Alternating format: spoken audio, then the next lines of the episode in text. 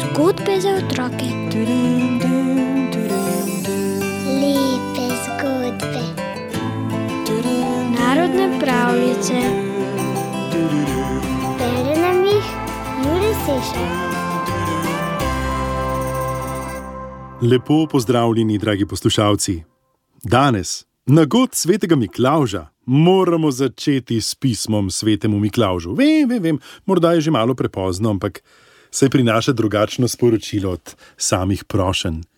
Spisala ga je Darinka Kobal. Otroci so se živahno pogovarjali, kaj bodo v pismu prosili Miklauža.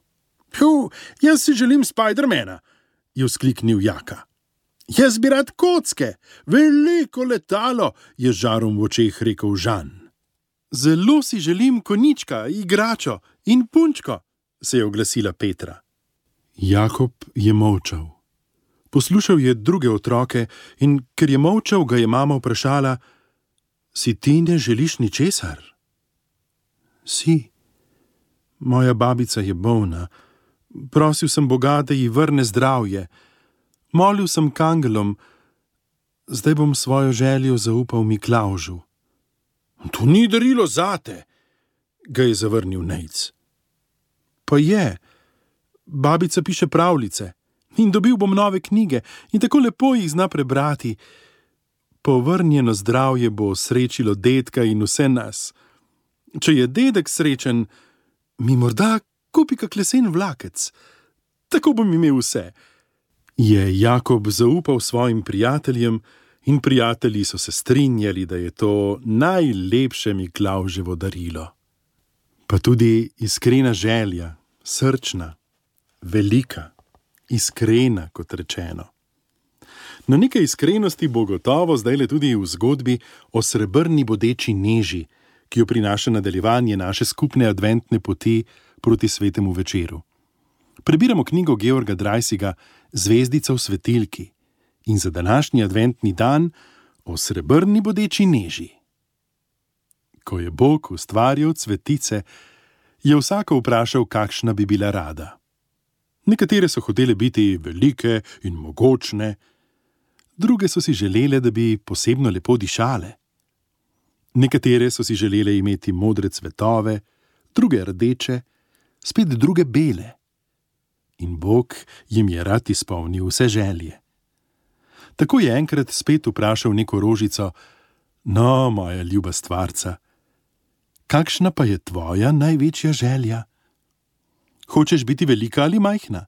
Si želiš rdeče, modre ali bele cvetove? Rastlina je odgovorila: Vse mi je prav.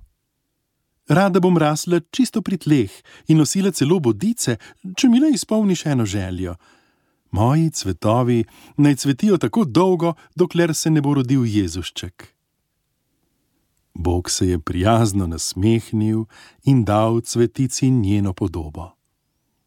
Skoraj nevidno raste pri tleh. Njeni listi so posejani z bodicami cvet pa je kot krasna srebrna zvezda, in če tudi cveti že poleti, ostane njen cvet lep vse do božiča, da razveseli Jezuščka. Da lažje tudi mi čakamo z njim. Čakamo, advent je pričakovanje. Gregor Čušin je spisal pesem o čakanju, ki pravi: Naše življenje je samo čakanje čakaš kosilo in čakaš večerjo. Čakaš soboto in čakaš nedeljo, in če je torek, čakaš na sredo. Kadar si žalosten, čakaš besedo, ki potolažite in te poboža. Čakaš, da zrasla na vrtu bo roža, ki si posadil jo lansko pomlad. Čakaš nekoga, ki imel te bo rad.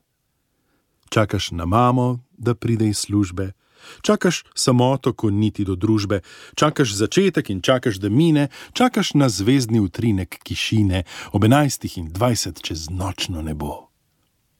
Čakaš, da bolje bo, ko je težko, in boš, kot prej si bil, znova vesel. Čakaš nekoga, ki te bo objel. Čakaš. In čakanje včasih se vleče, zato v adventu prižigamo sveče, da je naenkrat v vseh hišah svetlo in da je naenkrat v vseh srcih toplo. Čakanje zrase v pričakovanje in v resničnost zrastejo sanje, ko se rodi za vse, zate in zame, ta, ki te rad ima in te objame. Hvala, dragi poslušalci, za vaš objem takole nadaljavo. Hvala, ker ste bili z nami. Jutri bomo v našem adventnem srečanju slišali zgodbo o trnovem gozdu.